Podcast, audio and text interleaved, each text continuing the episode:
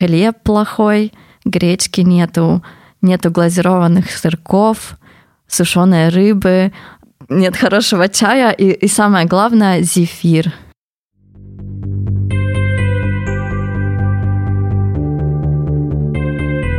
Всем привет. Вітаємо всіх. Привет, Павло. Как у тебя дела сегодня? Боже, боже, привіт, Віра. В мене все в мене все дуже добре, і я дуже радий, що ми прийшли на цей подкаст. Да, наконец-то. У нас сегодня м, такой подкаст, который мы немножечко не планировали. И все потому, что сейчас какой-то сезон болезней. А, на прошлой неделе болела я, и мы не смогли а, ничего записать. А на этой неделе должен был быть с нами наш гость Иван, который будет, скорее всего, в следующем году нашим гостем. К сожалению, он тоже заболел, поэтому мы сегодня вдвоем Так, сьогодні в нас дуже-дуже терапевтичний подкаст, бо ми порозмовляємо про ожидання і реальність, тобто про те, що нам вдалося, а чого не вдалося після приїзду до Варшави. Да, когда мы думали, Павел предложил эту тему, не, не, не сбывшиеся ожидания. И я сначала подумала, о, вау, это будет подкаст на пять дней, наверное, будет продолжаться, потому что столько всего можно рассказать. Но потом в итоге я немножечко застопорилась, когда начала об этом думать, потому что не могла понять, нужно ли поговорить о каких-то личных ожиданиях или о каких-то таких более широких темах. Сейчас, мне кажется, это тоже очень-очень-очень популярная тема. Мы всегда говорим о наших ожиданиях, которые не сбываются. Це залежить насправді з ким і про що ми говоримо в е, контексті наших очікувань та реальності. Бо одне розповідати про те, ким ти себе бачиш за 5 років на знову якомусь десятій просто розмові про працю з кимось. А ти ще спрашивають такий вопрос? Так, Задаю? в мене питали. Wow. Власне, теж то залежить дуже сильно. Чи ти намагаєшся похвалитися своїм знайомим в Україні про те, що тобі вдалося, і ти молодець, і в тебе є гроші на на щось, наприклад, на жрачку. Або ти сидиш зі своїми знайомими тут, у Варшаві, і ви всі ниєте про те, що Боже, вже знову не вистачає мені бабла. Робота щоб... в культурі, робота, робота в, в корпорації, все плохо. Так. Тому насправді. Я не готувався, тому що в мене, звісно, дуже було багато очікувань, і всі вони найчастіше не збулися. Але я їхав у трамвай і згадав, що загалом знову буде про комунікацію, звісно ж. Про те, що, що коли я приїхав до Варшави, мені дуже хотілося мати машину, здати врешті на права. Ну а в реальності в мене немає машини, в мене не буде грошей, щоб цю машину купити я так і не здав на права. І содержати все. Ну, власне. І я зрозумів, що вона мені насправді теж не потрібна, тому що більшість моїх знайомих, у котрих машина є, якщо нею і їздять, то на вихідних і кудись за Варшаву, тому що Варшава насправді неможливе місто, місто для того, щоб кататися собі так гарно на роботу на машині, бо найчастіше ти стоїш у заторі або де ти ще стоїш. А, ти ти можеш просто кружляти по по половині міста, щоб знайти місце, де запаркуватися. Ну, тобто типові проблеми великого міста. Да, mm. сейчас еще можно вспомнить о том, что зима пришла снова, всех удивила, и в первую очередь э, местные городские власти, которые убирают снег или не убирают, или убирают его, когда он уже растаял. Я сейчас сижу, у меня э, на Фейсбуке я подписана на форум Муранов. Это такой район в Варшаве, где я живу. И там вот уже три последние дня, когда выпал снег, то там очень много постов появляется. Например, беременная женщина там пишет, я на восьмом месяце беременности, скажите, можно ли мне выходить из дому, как там сегодня э, тротуары? Ну и кто-то пишет, я сегодня залечила орла, орла, то есть очень спектакулярно упала, и лучше не выходи и сиди дома. Да, вот такая вот зима в Варшаві. В мене в мене трошки це інакше виглядає, тому що я мешкаю на Грохові, як я вже казав.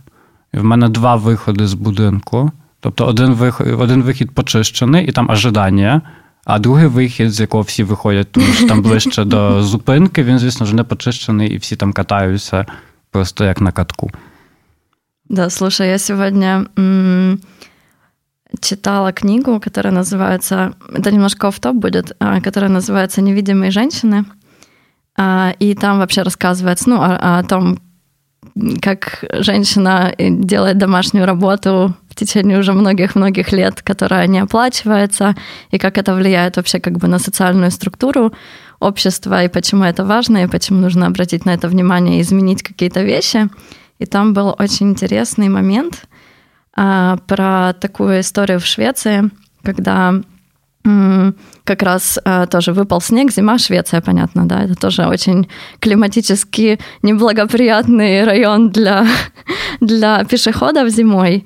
И э, там была такая история, что в одном из городков небольших э, в какой-то момент э, городские власти изменили очередь э, уборки снега, то есть раньше они убирали там в первую очередь дороги и э, места, где едут машины, а потом изменили это и стали убирать в первую очередь тротуары, поняв, что легче проехать где-то машиной, чем провести, например, коляску по 7-метровому снегу. И э, в итоге, когда это поменяли, то оказалось, что и расходы на здравоохранение очень сильно уменьшились, потому что люди перестали стоять в очередях с переломами, а, и просто какое-то такие очень важные тоже общественные и изменения в здравоохранении произошли. То есть такие, казалось бы, небольшие вещи очень сильно влияют на жизнь города, что это какой-то такой очень сложный процесс, который нужно учитывать. И мне очень понравилась эта история. Вот, да. Ця історія загалом показує нам те, що ми нагадуємо, живемо в одному суспільстві разом. Було б дуже непогано не тільки слідкувати за тим, щоб не не викидувати бамашки кудись на вулицю. І, на щастя, ми вже і в Україні, і в Польщі навчилися, тому що все-таки є куди викидати. І викидайте, будь ласка, і сегрегуйте ще, будь ласка, сміття. Да, це дуже просто, дуже класно. Це дуже інтересно. А ще платіть податки в місті, щоб потім там були гроші на те, щоб вам прибрати ваш тротуар і гроші на систему охорони здоров'я, щоб коли ви все-таки десь залічите орла на тротуаре, щоб було кому полічити вам вашу зламану ногу. Да.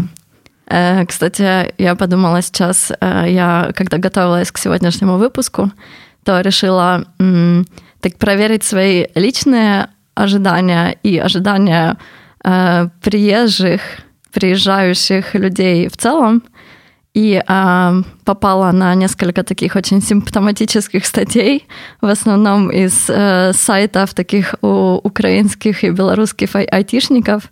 А, украинский это Доу, а белорусский я уже не помню.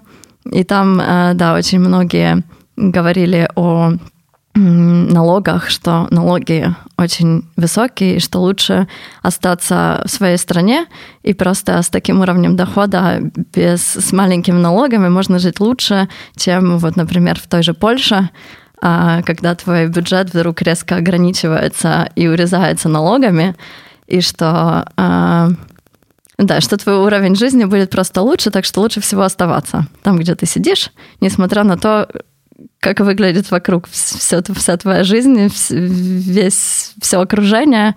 И я очень-очень-очень сильно с этим не согласна. Очень сильно меняется уровень и восприятие вообще, и э, психическое какое-то состояние, и физическое, когда ты живешь э, все-таки в благоприятной среде, в более благоприятной среде. Не знаю, согласен ли ти з цим, или... Я з цим повністю згоден. В мене є з одного боку розуміння, чому деякі айтішники і загалом мешканці пострадянського простору мають таке бачення, того, що ліпше платити низькі податки і нічого не очікувати від держави, тому що ми, ви і ми все-таки пам'ятаємо, як виглядало, скажімо так, праця комунальників, наприклад, в місті, угу. і те відчуття, що твої гроші йдуть незрозуміло на що. Тому, звісно, коли ти приїжджаєш в таку Польщу чи навіть далі десь на захід, то можеш екстраполювати цей свій досвід е, з України, Білорусі чи е, будь-звідки з пострадянського простору про те, що ліпше не платити податки, мати більше грошей і. В найліпшому і разі собі... доктору. Так, просто і ходити собі зламані ноги на тротуарах, лікувати у приватного доктора. Насправді, в Польщі я все-таки вже відчуваю, що мої податки йдуть на на щось, угу. тобто вони не осідають десь в кишенях у у не, чиновників. А все-таки за ці гроші хтось мені збудує цей тротуар і навіть його почистить. Звісно, чим нижчі доходи громадян, тим звісно, бачення і розуміння того, що вони перекладаються на якість е, інфраструктури і на якість е, послуг, які надає держава, вона може бути нижчою. Але здавалося б, чим вона вища, твоя зарплатня, тим це розуміння теж може бути вище. Але правдоподібно у випадку айтішників, котрі найчастіше заробляють найбільше в державі, у випадку Польщі це айтішники і, і шахтарі досі тому що в шахтарів досить таки сильна можливість е, в рамках е, Боже, związki zawodowe. Профсоюзи? Так, профспілок. У рамках профспілок собі е, винегоціювати нормальні, наприклад, підвищення зарплатні. Угу. Але добре, це ми повертаючись до айтішників, у мене була колись. Павел, ти айтішник? Я не айтішник, але я працюю в айті. Але угу. я no skills так званий. Це дуже дуже дуже звучить так неприємно, але ну, так насправді ми так і категоризуємося у фірмі. Тобто е, якісь там full-stack developers, front-end, back-end developers і no-skills workers. Це такі м'які какие-то не, не технічні професії? Ну, найчастіше це весь цей маркетинг, mm-hmm. е, якісь там проєкт-менеджери, котрі на найліпшому разі більш-менш розуміють, що таке код, але самі того коду написати не можуть. І це я. Тому я no skills, мені дуже це подобається. Тому що в мене так навіть і написано. Тобто є є ці дві дві частини таблички, і я там, де no skills. No skills specialist. Загалом, якби так, замість support hero, або там не знаю, customer success officer, в мене ліпше вже назва була, власне, no skills worker, і вистачить. То повертаючись до тих айтішників, я колись сходив на свіданку з айтішником угу. з Білорусі. Ну і загалом він підтверджує те, що ти кажеш. Тобто Польща, вона, звісно, класна, дуже тут приємна, але податки вищі, і якби в Білорусі все було добре, я б сидів у себе в мінську. Угу. Але з іншого боку, виявилося, що польська держава, і тут міні-реклама нашої коханої польської держави зробила для ага. айтішників суперпромо-акцію е, податкову, яка називається IP-Box. Е, Тобто деякі з айтішників можуть понизити свій податок, який вони платять з зараз 12 до 5. Угу. Звісно, зважаючи на рівень їх доходів. А це насправді надвисокі доходи, як для Польщі, де загалом всі люди заробляють так ну, середньо. То навіть з цих 5% це досить великі суми. Але мені, як ноускіус воркерові, звісно б хотілося, щоб вони платили 12. Угу. Але я теж розумію, десь. Бачення польської держави про те, що ліпше їх усіх зараз затягнути сюди на ці 5%, да, і потім їм зробити 12%. Угу. І такі, а що? А, ну, що, да. а, куди а, вже? а може привикли. Ну, от ви вже привикли, і куди ви вже втечете. Тобто втечете до Німеччини, де буде 40%, ну не всі на це погодяться. Ну да, и большая еще бюрократия. Хотя бюрократия в Польше, мне кажется, еще такая, особенно в сфере здравоохранения, которая уже давно-давно требует какой-то реформы, и все чиновники и новые правительства все время обещают, что наконец-то займутся этим Но все никак, поэтому вроде как э, доступ к здравоохранению у всех практически есть, но по факту очереди, огромные очереди, э, и какая-то такая неэффективность вообще целой системы, она очень, конечно, видна. Поэтому многие вот что классно в каких-то таких больших компаниях, когда тебе предоставляют все-таки доступ к частному здравоохранению, то есть каким-то частным э, сетям э, клиник э, за небольшую оплату. То есть мы это не воспринимаем как налог, мы это воспринимаем как вот нам предоставили такую возможность, хотя мы за это платим, и точно так же можно было бы платить налоги всем вместе и просто улучшить целую систему. И мне кажется, что тоже э, вот эта вот э, риторика, м- что высокие налоги это плохо или средние налоги это плохо, должны быть на как ну, можно больше минимальные налоги, она показывает плохую сторону, когда реально что-то случается в твоей жизни, что-то такое, что требует, ну, что ты уже не покроешь зарплаты и что ты не покроешь, когда не сможешь работать. И тогда, ну, как бы многие, многие слои населения, многие люди ощущают это на себе. Поэтому, да, когда ты живешь в социуме, в обществе, то стоит думать не только о своей заднице. Так, загалом Мораль. теж можна тут додати американський досвід, де люди потім не можуть виплатитися з тих кредитів, котрі вони беруть, наприклад, студентських, угу. щоб вступити до університету і там вчитися. Або навіть коли в тебе просто немає медстрахування, або медстрахування не покриває ту операцію, яку тобі треба зробити, і потім тебе може і вилікують. але в тебе не буде грошей, щоб з ними расплатиться. Ну да, вообще американская система, она тоже, мне кажется, в Польше в последнее время очень много всех этих сбюрок, сжуток, когда просто э, то, что должно лежать на плечах государства и правительства, переносится на э, совесть и э, какую-то такую щедрость э, обычных людей, которые просто выбирают. И это, это довольно несправедливая штука. Потому что тут все тоже зависит от маркетинга, от того, как кто, кто сможет, а кто не сможет собрать эти деньги. М-м- ладно, что-то мы немножечко заблудились, мне кажется, или не заблудились, просто а, пошли в какие-то здається, такі... що ми увійшли просто в одне з очікувань і реальності, в котрій ми живемо. Тобто, те, що все-таки Польща, яка б вона класна не була, під, е, якщо, якщо дивитися загалом на якість послуг, котрі держава тобі надає, ну тут реальність все-таки ліпша, ніж в Україні, але досі гірша, ніж в Західній Європі. Я не можу сказати, що коли я приїхав, в мене було очікування, що я просто не знаю, вилікую собі все в державній клініці. Ну, наверное, коли ти приїхав, тебе нічого було лічити. Так, мені ще нічого нічого було лікувати. Зараз мені треба лікувати зуби, і я розумію, що, О, що да. це буде дуже весело. Але загалом це дуже весело усюди. Не, ну, слушай, в Украине был развит такой стоматологический туризм, и вообще э, у меня брат живет в Канаде, и они в каком-то году, я уже не помню, в каком-то еще там перед десятым, приехали всей семьей. Он, жена, э, дочка. Им э, легче было оплатить билеты э, туда-обратно, прожить тут месяц, записаться ко всем врачам, естественно, тоже платить им к частным и вылечить себе зубы, ноги, записать ребенка к подологу, записать, не знаю, какие-то стельки выписать, сделать какие-то вещи такие профилактические, чем просто ждать этого и платить в Канаде. Ну да, сейчас эта лавочка закрыта. Спасибо, все знаем кому.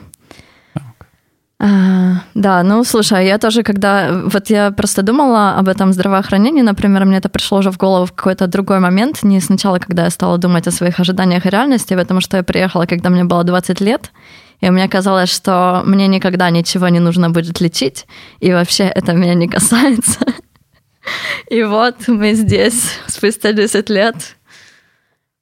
Я до сих пор особо не знаю, как э, записаться к врачу и как получить L4, э, то есть, э, как это называется, больничный. Так, так. Это для меня какой-то такой огромный стресс приписать себя к врачу, как его выбрать, как туда пойти, а можно позвонить, а еще была пан- пандемия, и как это все происходит сейчас. Это, конечно, все очень сложно, особенно когда приезжаешь и еще не знаешь ни языка, ни как все работает. То же самое с этой же налоговой системой. Мне кажется, что если бы в ней постоянно не менялись правила, то, может быть, было бы проще. А сейчас, мне кажется, даже в корпорациях э, какие-то там э, люди, которые занимаются отчислением налогов, не всегда понимают, к какой категории ты относишься, э, сколько тебе нужно посчитать, а сколько тебе нужно посчитать сейчас, а если я выплатил тебе раньше, то что, какие будут последствия. Короче, в общем, это все просто очень-очень сложно, все меняется, вся эта система очень динамичная и с ней сложно разобраться, поэтому лучше всего обращаться, конечно, к специалистам, если у вас какие-то вопросики появляться. Тож іноді у спеціалістів теж будуть питання. О, Насправді ще більше, О, ніж у вас до них. А, Але добре, зараз ми вже заблудилися трохи, як мені здається. Да. Слушай, давай вернемся. У меня есть э, пару предложений.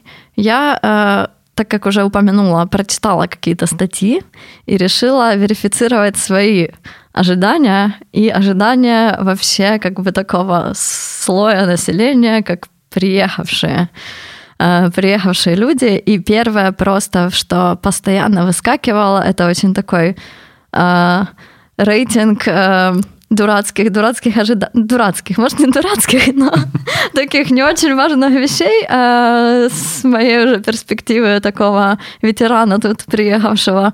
А первая вещь, которая появляется, это еда, что в Польше нельзя найти ряженку, хлеб плохой, гречки нету, нету глазированных сырков, сушеной рыбы, а, селедочки такой не съешь, а, нет хорошего чая, і, і саме головне зефір. А, зефір. так, зефірки це так. Це це, це в мене в мене було в моїх Ти очікуваннях. Ти чоловік, який привозиш, а. привозить із України зефірки? Мені передає мама, і я тут хочу передати теж мамі не передачку, а привіт великий угу. за зефірки. Привіт, мамі. М, зефірки. А, загалом. Сухарики ще. Так, сухарики і, і сімечки теж. А семечки, семечки, мне кажется, появились... Хотя, нет, они не соленые, да, они не такие. Но да, я видела, что, например, э, а с чем, а с чем, а с чем поляки пьют пиво? Где сушеная рыбка, где сухарики? Как к этому вообще можно привыкнуть? Ну, пьют э, пиво с кабаносами, так званими. Да нет, просто пьют пиво.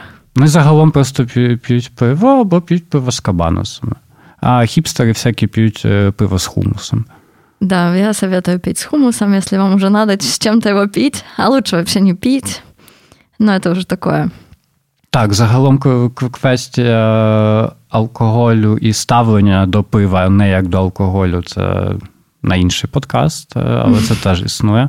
У мене це не було ані очікування, ані реальність. Мене це не дуже цікавило і зараз не дуже цікавить, але. Насправді така кореляція існує для багатьох поляків. Пиво це не алкоголь згідно з різними опитуваннями. Угу. Водка так, вино, звісно, але пиво це пиво. Е, пиво воно не, не має, скажімо так, для них жодного якогось відсотку оберту того алкоголю, бо воно собі просто як ніктар, який ми п'ємо, е, і все. Але це ще ми в Чехії не були. О, да. Я была недавно в Тешине. Это mm-hmm. такой город э, на границе Польши и Чехии. То есть половина города находится с одной стороны, половина с другой. И там очень развит туризм за подарочками. Подарочками называется марихуана, которую можно в Чехии купить. А, точнее, ее можно там потреблять, покупать ее теоретически нельзя, то есть продавать ее нельзя. Но понятно, что, что все это ослаблена. Так что да, там все идут э, купить себе подарочек, а также зайти в какой-нибудь э, ресторан и выпить пиво чешского и съесть этот сыр в панировке. Э, так что да, если вам не хватает калорий, то едьте в Чешин. Сир, сир в паніровці дуже смачний. Очень вкусний. Але я про це дізнався в Польщі. І мені здавалося дуже довго, що це якийсь польський продукт. Потім виявилося, що це все-таки чеський продукт. І людина, яка мені відкрила світ е, панірованого сирка, насправді просто цікавилась Чехією. Але я дуже довго думав, що о, може, блін, клас, цікаво. Ми такого не робимо. М, яке воно смачна. А потім виявляється, що і це вкрали. Але добре. Ну, слушай, а как тебе, например, фруктовые супы в Польше?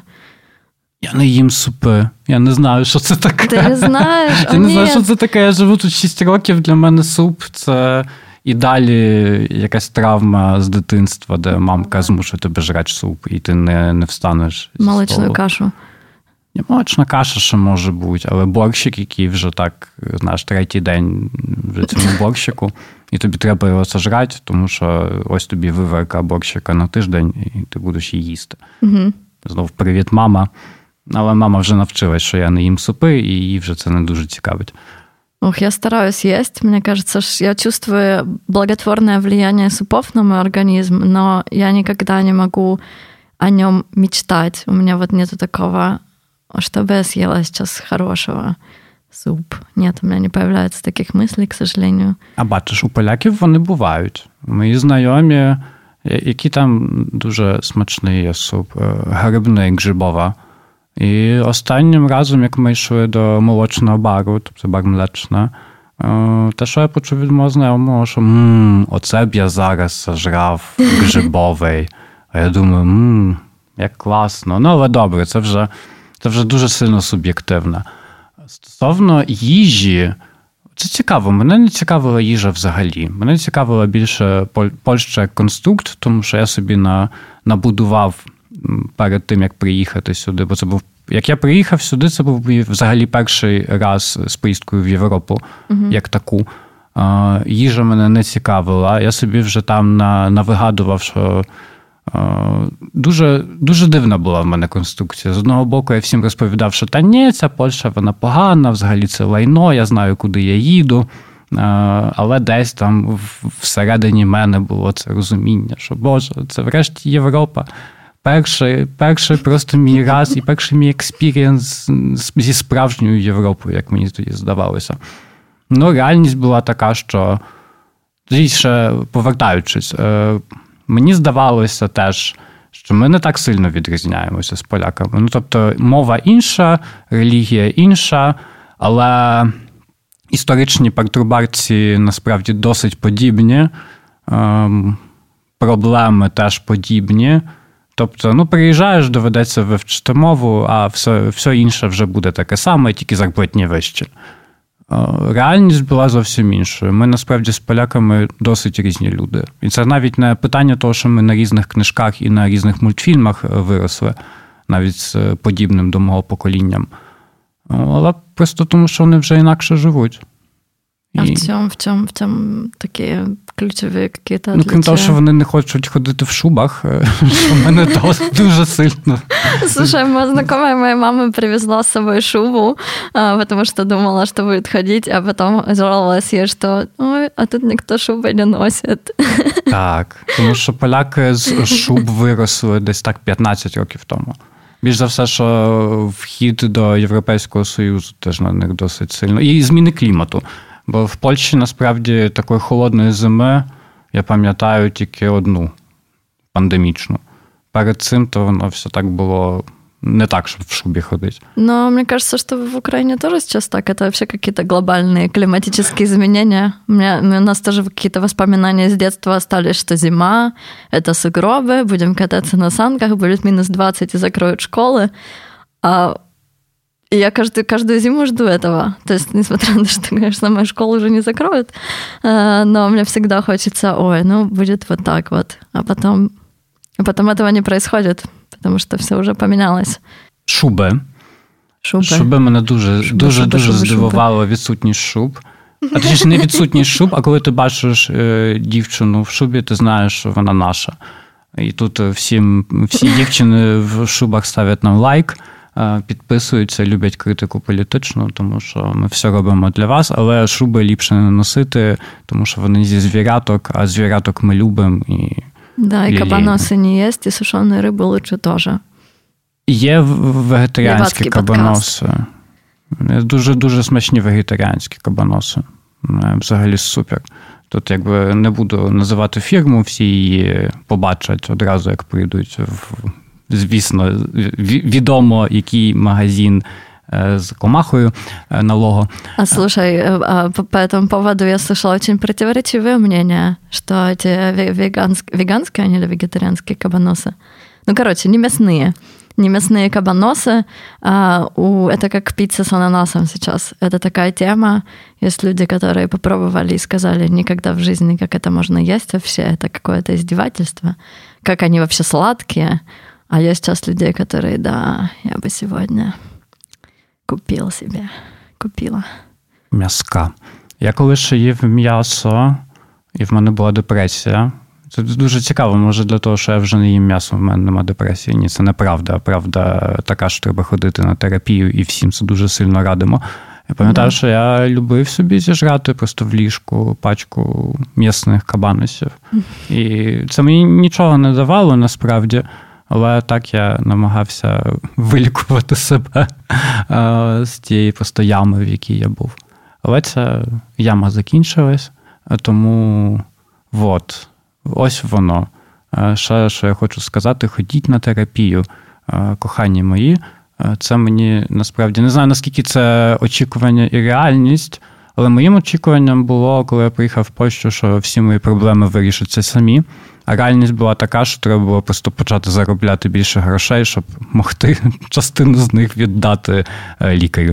Угу. Тому, no. якщо можете, будь ласка, звертайтеся за допомогою воно не лишнє, як то кажуть.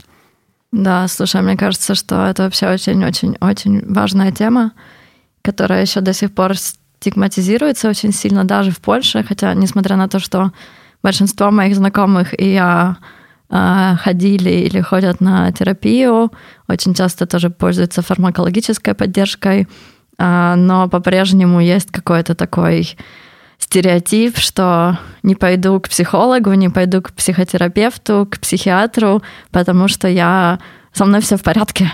Со мной все в порядке. Ну да, я, я просто... що больний чи що, як то да, кажуть. Да, да, что я угу. куку. Но нет, это не так работает. А, это помощь себе, это очень важно, это сильно меняет жизнь, очень-очень сильно меняет, меняет подход. И эм, если вы чувствуете, что у вас постоянно какое-то не очень хорошее состояние, если вам трудно, если ви. Особливо зараз, в тій ситуації, в якій ми всі знаходимося, і де ми знаходимося, чи по тій, чи по іншій стороні кордону, можливість навіть онлайн поговорити з кимось про те, що вас турбує, або те, що відбувається навколо вас. Це насправді дуже дуже велика вартість. Тільки найліпше все-таки сходити до когось професійного. Бо з друзями можна поговорити про все, і для цього друзі і потрібні. Знову очікування. Я очікував, що в мене дуже багато буде друзів, і більшість з них будуть поляки. А реальність така, що в мене дуже мало друзів. А, але це всі Може, концепт Але це всі суперкласні люди. Так, і концепт мій змінився, бо я теж виріс. Друзі мої суперкласні, і нехай вони теж ставлять лайк. Я знаю, що вони мене слухають. Частина з них не розуміє, що я говорю. Пожалуйста, ставте лайк. Так, ставте лайк, підписуйтесь на наш канал, якого в нас немає. Але він з'явиться, ми все вам зробимо. Так чи інакше, розмовляйте з друзями, розмовляйте з людьми, котрі закінчили психологію і мають е, вже всі сертифікати і ходять на супервізію. Загалом дуже багато можу поговорити з вами ще не тільки про трамваї и, и про свиданки, а ще и про терапию. Угу. Да, сейчас я хотела, может быть, сказать тоже, что очень многие фонды и организации, которые помогают э, беженкам, мигрантам, э, предлагают бесплатную психологическую помощь, и не обязательно быть в каком-то очень тяжелом состоянии, лучше не быть, лучше позаботиться об этом заранее, просто поговорить с кем-то. Друзья — это хорошо, но тоже на друзей а, не все можно переложить. Друзья тоже не обязаны, не обязаны принимать а, на себя а, ваши проблемы и травмы или какие-то переживания, или не всегда тоже в состоянии помочь и как-то поддержать, и не знают, как отреагировать. А, да, и есть, например, такая организация, которая называется тоже Мартинка Help.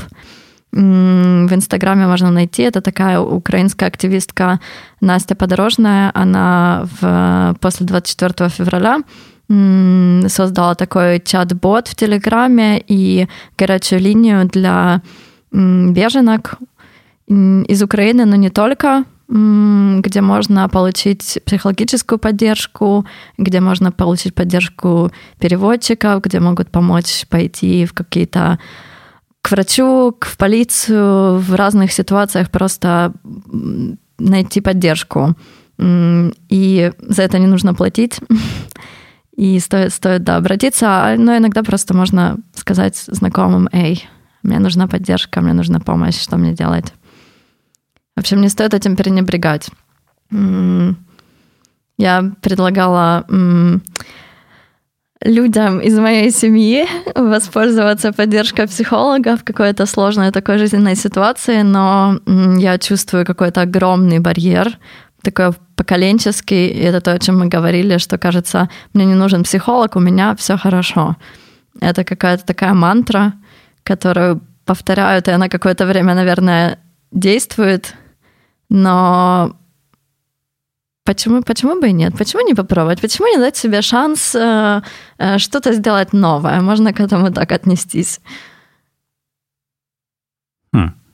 Не мені це все знову повертаючись і до податків, і до всього, це якесь не знаю, прокляття пострадянського індивідуалізму нашого нашого суспільства насправді. Um, але знову таки, я не соціолог, я не буду тут вам розповідати про те, як наше суспільство змінилось або ні. Ми, Я просто частина цього суспільства, деякі речі бачу, а деяких не бачу, тому що я вже дуже давно не в Україні. Угу. А, Ну, тяжело отрицать, отрицать такие вещи, которые даже глобально нас затронули. Та же пандемия, когда все просто... Пандемия, да, говорят? Пандемия по-польски. Ну, это Я всегда э, ошибаюсь в этих ударениях. Э, Пандемия, пандемия, война. В Польше очень много тоже разных э, кризисов. Ненависть была к ЛГБТ-сообществу, к мигрантам сейчас. На белорусско-польской границе происходят э, страшные вещи. И особенно люди, которые как-то интересуются тем, что происходит, помогают, являются активистками, активистами, очень сильно тоже ощущают на себе какую-то такую тяжесть и трудность э, продолжать жить нормальную жизнь, так називаємо. Так, ну зараз теж е, суто економічні питання досить сильно в польському суспільстві, десь десь їм горять в одних місцях. І великою небезпекою те, що ці економічні негаразди або відчуття економічного спаду і негараздів загалом затьмить те, що в нас є глобальні великі проблеми, угу. крім того, що тут інфляція і не знаю, зарплатню не підвищили. Але повертаємось до очікувань і реальності. Постоянно куди сворачуємо. Так, але загалом. Може, теж наші всі очікування і реальність у нас така зараз, що всі наші очікування верифікуються дуже швидко, і нам треба одразу поговорити про реальність. Угу. А то повертаємось. Повертаємось і повертаємось. От з поворотами в мене була очікування таке, що я швидко закінчу університет за три роки і повернуся в Україну. Вау, а у мене була похожа но другая, что я закончу универ за два года, я приехала в магистратуру и поеду куда-то дальше. Поеду покорять следующие страны. І що ж произошло, Павло? Що ж... Ну що, шість років ледве закінчив той університет. Ты закончил когда? Я закінчив перед війною. Угу. В Тоб... прошлом году, да? Или в этом? В цьому. Вау, поздравляю тебе. В цьому, в цьому. І, власне, ці три роки розтягнулися на п'ять, виходить, на п'ять з копійками, з якимись там академвідпустками, недописаним дипломом. І в Україну мені вже вертатись не хотілося. Угу. І не хотілося не тому, що, що, що Україну не люблю, а тільки тому, що вже тут настільки сильно, як як то кажуть, засмердівся, що вже мені хотілося тут і залишатися. Не завжди, тому що мені аж так сильно тут подобалось, а один один час тільки тому, що я вже сам не бачив, куди б я хотів далі їхати. Угу. Да, меня тоже затянуло немножко. Затянула жизнь, затянул комфорт. И какое-то... Я, получается, как бы большую часть своей такой осознанной взрослой жизни провела уже здесь. И сложно, сложно принимать такие какие-то решения, когда еще не знаю, мне всегда казалось, что это не относится к польским ожиданиям, это относится вообще к ожиданиям меня как личности, что мне когда-то казалось, что я в 30 лет буду какой-то бизнес-вумен, ходить на каблуках в э, пиджаке, управлять отделом какой-нибудь большой аудиторской компании. И вот так вот, вот так вот я себе представляла в 15 лет свою жизнь. Э, и через 15 лет вот, вот где я сейчас. И кажется, что, кажется, что это не успех, но для меня просто огромный. У меня так поменялось мировоззрение, так поменялись ценности какие-то в жизни, что м- просто это какая-то мечта такая была, очень популистическая мечта тоже э, пост э, детей, детей э, советских родителей еще что нужно быть успешным, нужно быть юристом или нужно быть э, фи финансисткой, а, чтобы, чтобы обрести счастье в жизни, что материальное счастье это было какое-то самое главное, вот такой самый главный успех, самый главный залог счастья. А оказывается, что все не так-то просто или сложно. Просто чи сложно? Оце от, ось воно питання. Заработать деньги сложно или просто? От как... А тут ось очікування в мене було, що буде дуже дуже дуже просто. Mm-hmm. Потім реальність була така, що виявилося, що складно. А Потім в мене було після цієї реальності, звісно ж, очікування, що буде дуже складно заробити нормальні гроші і мати на жрачку, і не йти спати голодним. Боже, це страшний страх іти спати голодним, не ходіть спати голодним. Тобто поїжте нормально перед, перетравіть це все і йдіть спати. Єште на ніч. Не єш, не єште на ніч, бо будете погано спати. А, Але загалом, просто щоб у вас були гроші на поїсти, перетравити це все і піти спати. І потім реальність виявилась така, що заробити гроші, воно то не складно. Але треба мати дуже багато часу. Потім немає часу, щоб займатися своїми якимись речами, своїми хобі. Угу. Це ще одне питання на кожній розмові, коли ти йдеш на роботу, які в тебе хобі. Насправді мене дуже часто питають про хобі, і тому вигадайте собі якесь хобі про всяк випадок. Блін, Кажіть, що ви турист, туристикою займаєтесь, не знаю, любите їздити кудись. В гори. Читати, читати книги. Это вот класне хобі, ні? Але можете слушать, запитати, слушать що музику. ти О, з музикою воно воно простіше, тому що як тебе запитають, що ти прочитаєш, навіть якщо ти читаєш, то можеш забути. А якщо тебе спросять, а яку музику ти любиш, Павло? Я люблю техно, звісно. Я меломан. Або, або, або, я, або я меломан, так. Ирина Аллегрова, господи. Я думаю, что сейчас можно придумать даже названия какие-нибудь, и они в любом случае будут, их можно будет найти. Так. О, польська музика. Це теж в мене було очікування. Точніше, в мене не було очікування стосовно польської культури і польської музики. Е, мене потім просто реальність сама десь придавила. Е, і я почав цікавитися польською музикою, польською культурою. І виявилося, що вона насправді дуже-дуже сильно розвинена.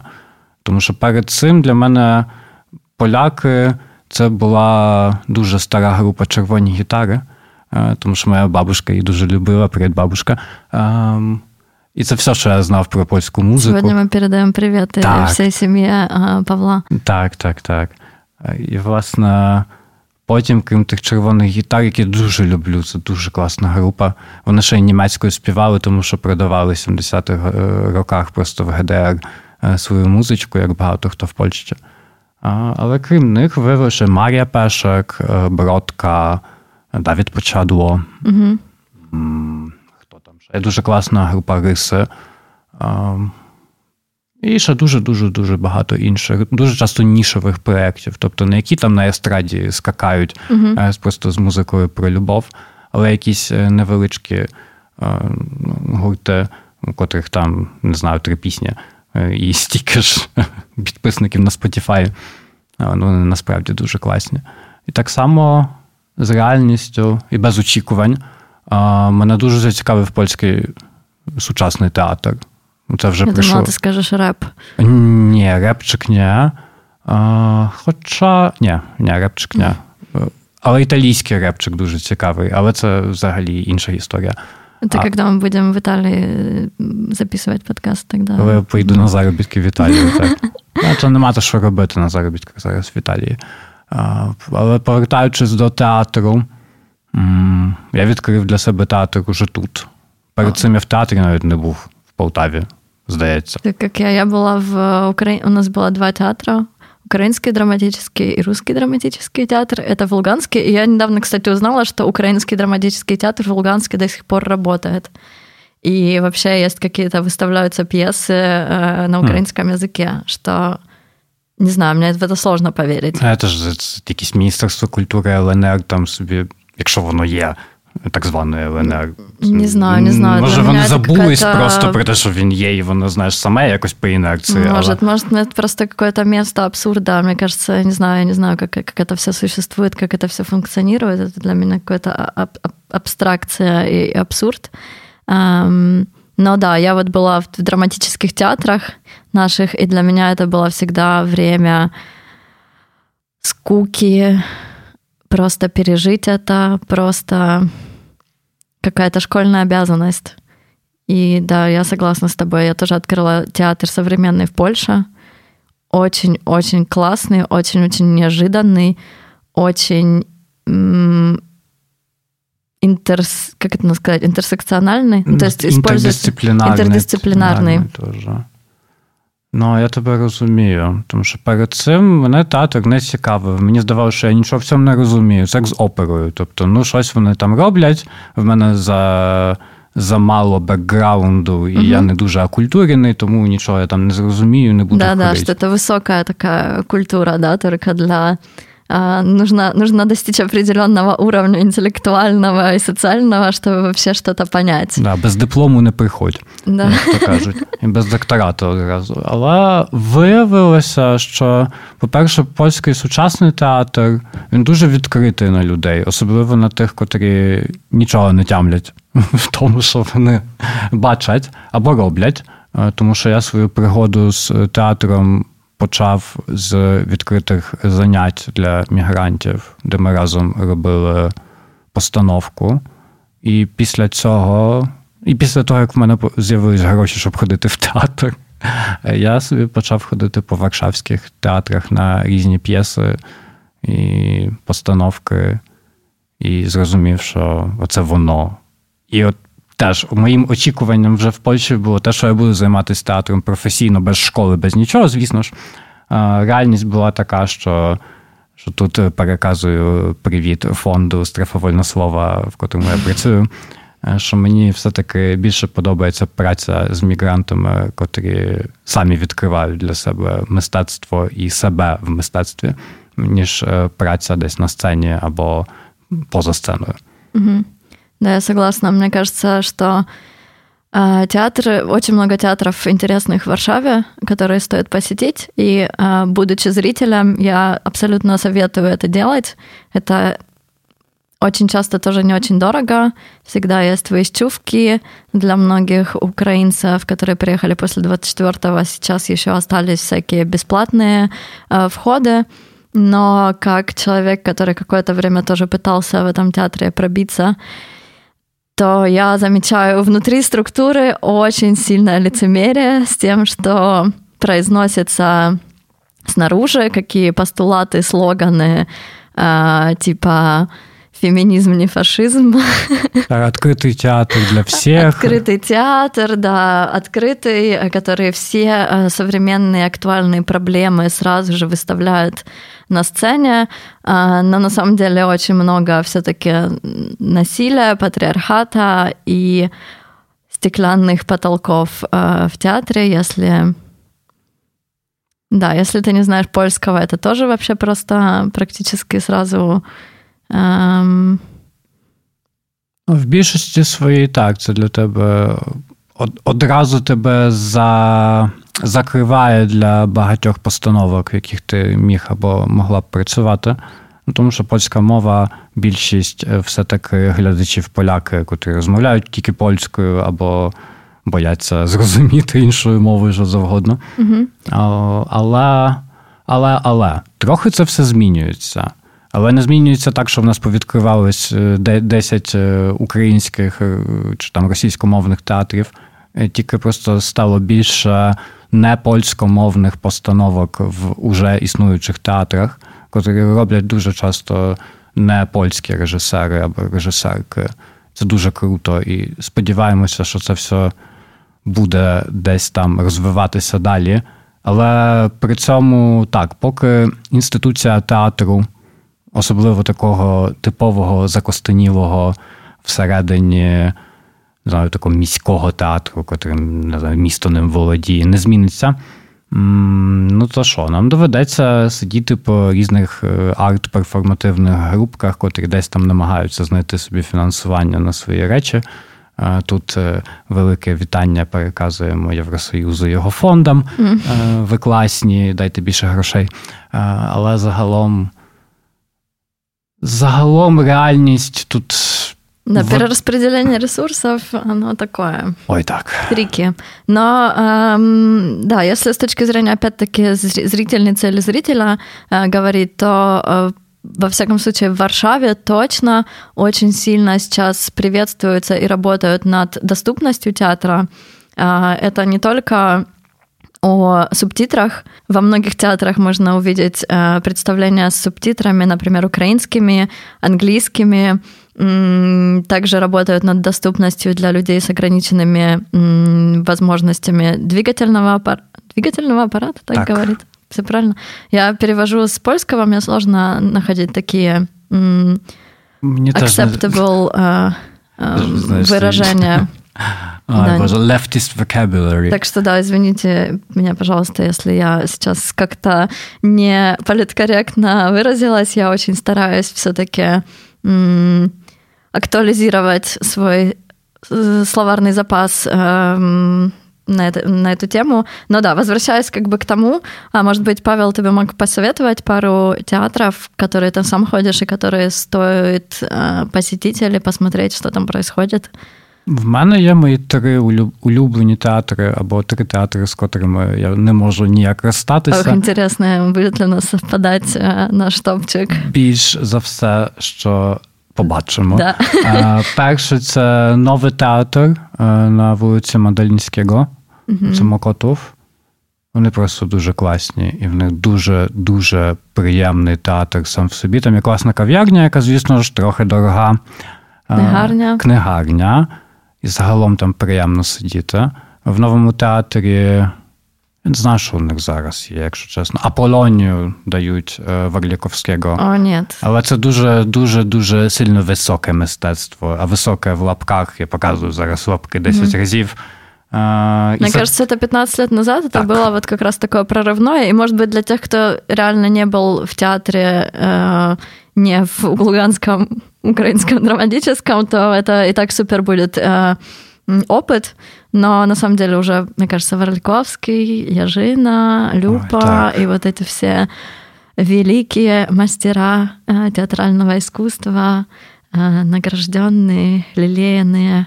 Э, уже, это уже не так интересно, так, на, на самом деле. Мне кажется, это не так интересно. Ну, насправді, наче, щоб мати якийсь оцей присловутий бекграунд, так, подивитися на них один там пару разів можна. Але мені здається, що вже наше покоління, наприклад, з них дуже мало чого може винести, тільки тільки мати до них якісь питання, дуже багато mm різних якихось питань. Але сходити раз можна. Боже, пам'ятаю погану річ в новому театрі, яку я бачив, це процес на підставі кавки. Це було 6 годин. І я висидів тільки півтори, тому що я був голодний. Ага, я всегда тоже, когда ходила на вот эти спектакли, которые длятся 6 часов, я... они обычно делятся на три части. Я сидела всегда первую, я ни разу не посмотрела ни один из этих спектаклей полностью, поэтому, возможно, а, если бы я досмотрела до конца, то я бы могла выражать свое мнение на эту тему. Но нет, я сейчас, э, конечно же, шучу. можно выражать свое мнение, даже если ты 10 минут увидел и а, тебе что-то не понравилось.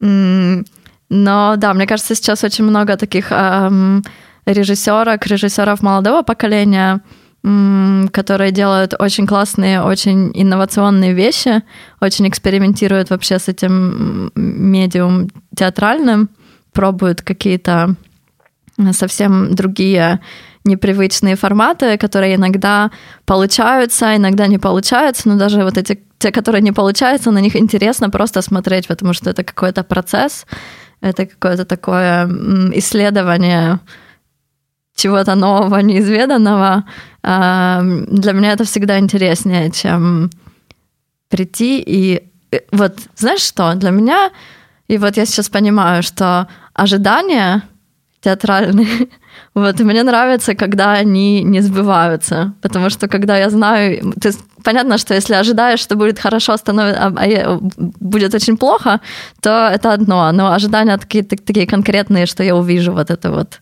актерку, или будет вот так и так, я себе примерно представляю, а потом оказывается, что это совсем не так. Это для меня в этом случае очень классно.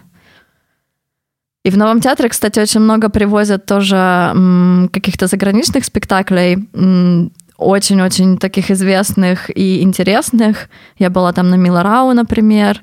Недавно я была на португальском спектакле Тиаго, не, не помню, как он называется, о памяти. Там э, 10 человек из зрительного зала учили на память э, сонеты же Шекспира. И это все, естественно, было там в определенный способ э, запланировано, но просто очень интересно. И да, очень много на английском языке, очень много с субтитрами можно идти. Новый театр, окей. Новый театр запомнили, идем. Так, І ще одне, в новому театрі на цьому процесі під час цих півтори години, коли я там був, угу. я перший раз побачив е, мужський половий член на сцені. І для мене це було тоді відкриття. Зараз я розумію, що це жодне відкриття, і люди голі мають повне право грати на сцені, і інколи це має сенс.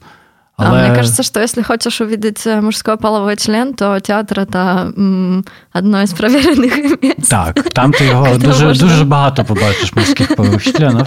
Але тоді це для мене було таке дуже інтимне якийсь experience.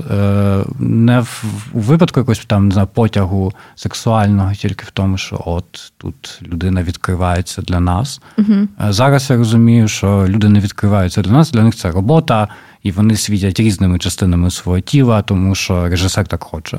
Дуже mm-hmm. часто режисер так хоче, але воно можна було без цього і обійтися хотіння. Але це теж інше питання на інший подкаст е, про те, що що не так з польським театром. Да. Тема согласия. Ой, так. І загалом тема теж розуміння того, чи воно тут потрібне було, чи це просто кудись ми вставимо голе тіло, щоб е, трохи епатувати публіку. Я участвовала когда-то в таком спектакле, где мне говорили, чтобы я сняла в конце э, футболку, что по сути для меня не являлось каким-то огром, огромной проблемой, но я вообще не понимала, зачем это делать, и, и мне не могли объяснить этого. Это вот интересная штука, мне кажется, это что-то над чем стоит думать э, людям, которые займаються театром. Так, добре, новий театр маємо за собою. Ви класні, ми вас любимо. Класно, що вам дали грошей, щоб ви переробили собі свій театр на гарний театр, бо він насправді дуже гарно виглядає. Це барила, як воно польською називається. А мені немножко жалко, що бетонний такой м, двор, бетоноза такая. Так, так, там, там не хватает деревьев, а могло бы быть круто, потому что там большое пространство, но, может быть, они а, что-то с этим сделают когда-нибудь. Так. Ми этого ждем. Добре, номер два в моєму топ-3. Угу. Це досить таки специфічний для мене experience. Це Teatr Powszechny на вулиці Замойського, 20, з яким в мене довга історія моєї роботи. Угу, Тому що страфа Вольнослова. Так, співпрацюю з театром угу. повшехним і від вже так з 10 років, як вони сидять разом, а в них в одній камері. Але повшехний, який би він там не був, які б в мене не були до нього питання. Це театр, який для мене все-таки відкрив театр. Тому що на заняття мої театральні я ходив туди до стрефи, і потім вже звідти піднімався і ходив на якісь вже цікаві вистави і виступи як глядач. Угу. Що мені подобалося, була дуже класна одна річ, вона називалась Звірі, звіжента, яку робила моя кохана режисерка Аліція Борковська. Привіт, Аліція. Привіт, Аліція. Я знаю, що ти це слухаєш. Я сподіваюся, що ти це слухаєш. А, Напиши там... нам в коментарях, якщо ти нас слушаєш. Ну, не зрозуміє нічого, яка різниця. Напиш в коментажу. Так, Słucham так, вас. Аліція Любяча.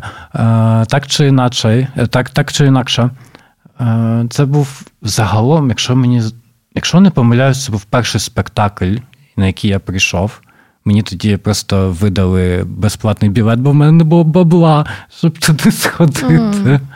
Mm. Тоді я вперше почув монолог дуже класний про монолог собаки, монолог пса, де пес чекав на свого господаря, а господар не приходить, і не приходить, і не приходить. А пес боїться, і пес не любить бути один і так далі. І так далі. І пам'ятаю, що я потім запам'ятав загалом на пам'ять е, цей монолог пса і сам собі його проговорював дуже-дуже довго і дуже багато разів. Але добре, це одне. А те, що мені не подобалось, що було страшне і так не можна робити, це, ну, звісно ж, капрі у Чікінєров е, в режисерії Крістіана Люпе. Того ж самого режисера, которого ти Так, на процесі 6 годин. в новому театрі. Так, тільки тільки там було 5 годин. Я зважаючи. Коротенький. Так, дуже, дуже, дуже. Пам'ятаю, що я там залишився тільки тому, що десь почув від знайомих, що там буде сцена гей-оргії. Як бачите, в мене все, бо полові члени. Так, понятне. Дуже інтересне. І виявилося, що ця сцена, звісно ж, буде в третьому акті, тобто на якійсь там четвертій, п'ятій годині цілої вистави. Вона була нецікава, не мала там жодного сенсу. Загалом мені не сподобалось, я мало зрозумів, тому що в мене, звісно ж, не було бекграунду, щоб зрозуміти цю неймовірну постановку Капрі, тому що я не читав е, книжку Малапарте Капут. Тепер я знаю, що це за книжка. Я так її не прочитав і інші, не і не прочитаю, тому що тому що та людина, яка в мене асоціюється з цією книжкою, я я знаю, що ти це слухаєш. І я просто я здобенdę наказ sądowy nie zbliżania się dla ciebie. Добре, то була невеличка, дуже несмішна, але цікава відноска до різного життя Павла то це був це був ось мій театр повшехний. Тобто, або якісь речі, які ти запам'ятовуєш і не можеш потім просто позбутися е, цього неймовірного відчуття того, що ти почув і побачив щось класне. Або якісь дуже сильно претенційні, претенціональні постановки для не знаю, великої публіки, на яких треба бути, якщо ти хочеш бути акультуреним. Я сподіваюся, що таких камеральних постановок, які тобі просто подобаються, з яких ти виносиш приємні емоції, перш за все, буде більше.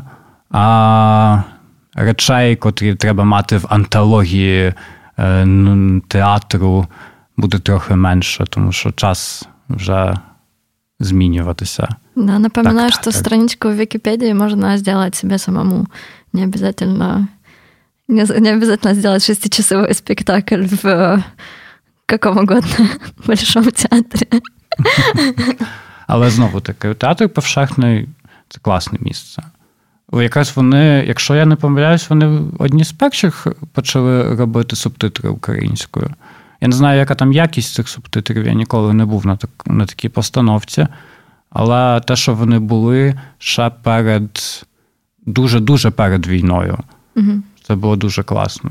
Мне кажется, как-то Стрефа Вольнослова немножечко имела свое влияние на это. Все-таки как театр, который а, после, не знаю, в 2015 году, когда был миграционный кризис, который тоже в Польше в 16 там как-то сильно всколыхнул э, войну, такую войну, э, всколыхнул волну, волну ненависти к мигрантам популистскими политиками. А, и да, театр как-то реагировал на это все, тоже какими-то своими красивыми слоганами. Я, к сожалению, как человек, который работал в этом театре и делал э, в этом году и в прошлом одну очень интересную и классную вещь, э, но у меня был очень плохой опыт э, співпраці с театром.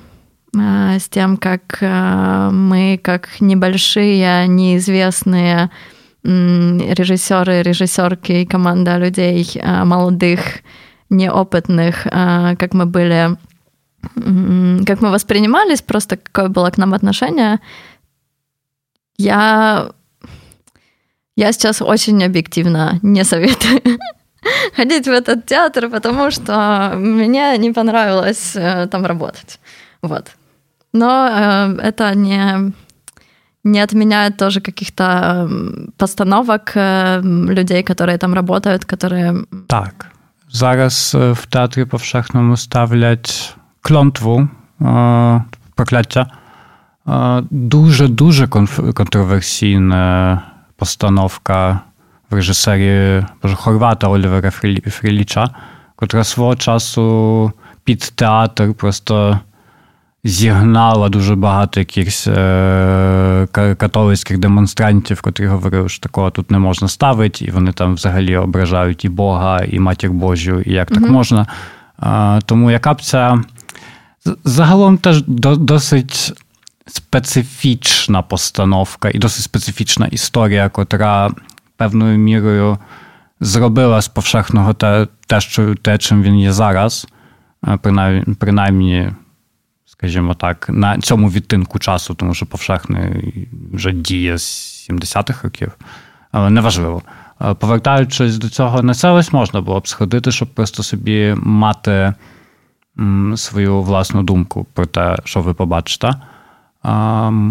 Але повертаючись до нашого топ-3, е, для мене топ-3 третім місцем, котре для мене теж відкривало театр свого часу, це Комуна Варшава. Mm. Тому що вона відкривала для мене насправді mm-hmm. театр. Це ще одне було місце, де я побачив взагалі що завгодно. І е, річ, яка мені дуже сподобалась, і на яку мені дуже подобається повертатися, це Зари іде на війна.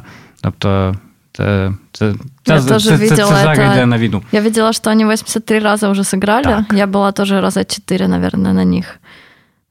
Наш... І кожен раз смішно. Ну, власне. І інтересно. Найцікавіше це те, що люди грають свою постановку вже дуже багато років, грають одне і те ж. Тобто з невеликими змінами, звісно, часом зі змінами складу, але їм ще й досі вдається грати так, якби їм подобалось те, що вони роблять. А це дуже важливо. І видно по них, що, що вони вже так це все сильно в собі не знаю, довели до автоматизму що навіть добрі емоції в них автоматичні, і ти не почуєш того, що ви, що їм вже нудно, і вони хочуть додому, і хотіли б вже зміни сценарію. Тому що це просто смішний і приємний спектакль про те, як людина хотіла одного, отримала інша, а хотіла одну категорію військову, отримала іншу. Ну і загалом там дуже приємні люди. І там дуже классные трюки люди роблять. Я таких не вмію. Да, вообще Коммуна Варшава, она находится сейчас в очень интересном... Это независимый театр.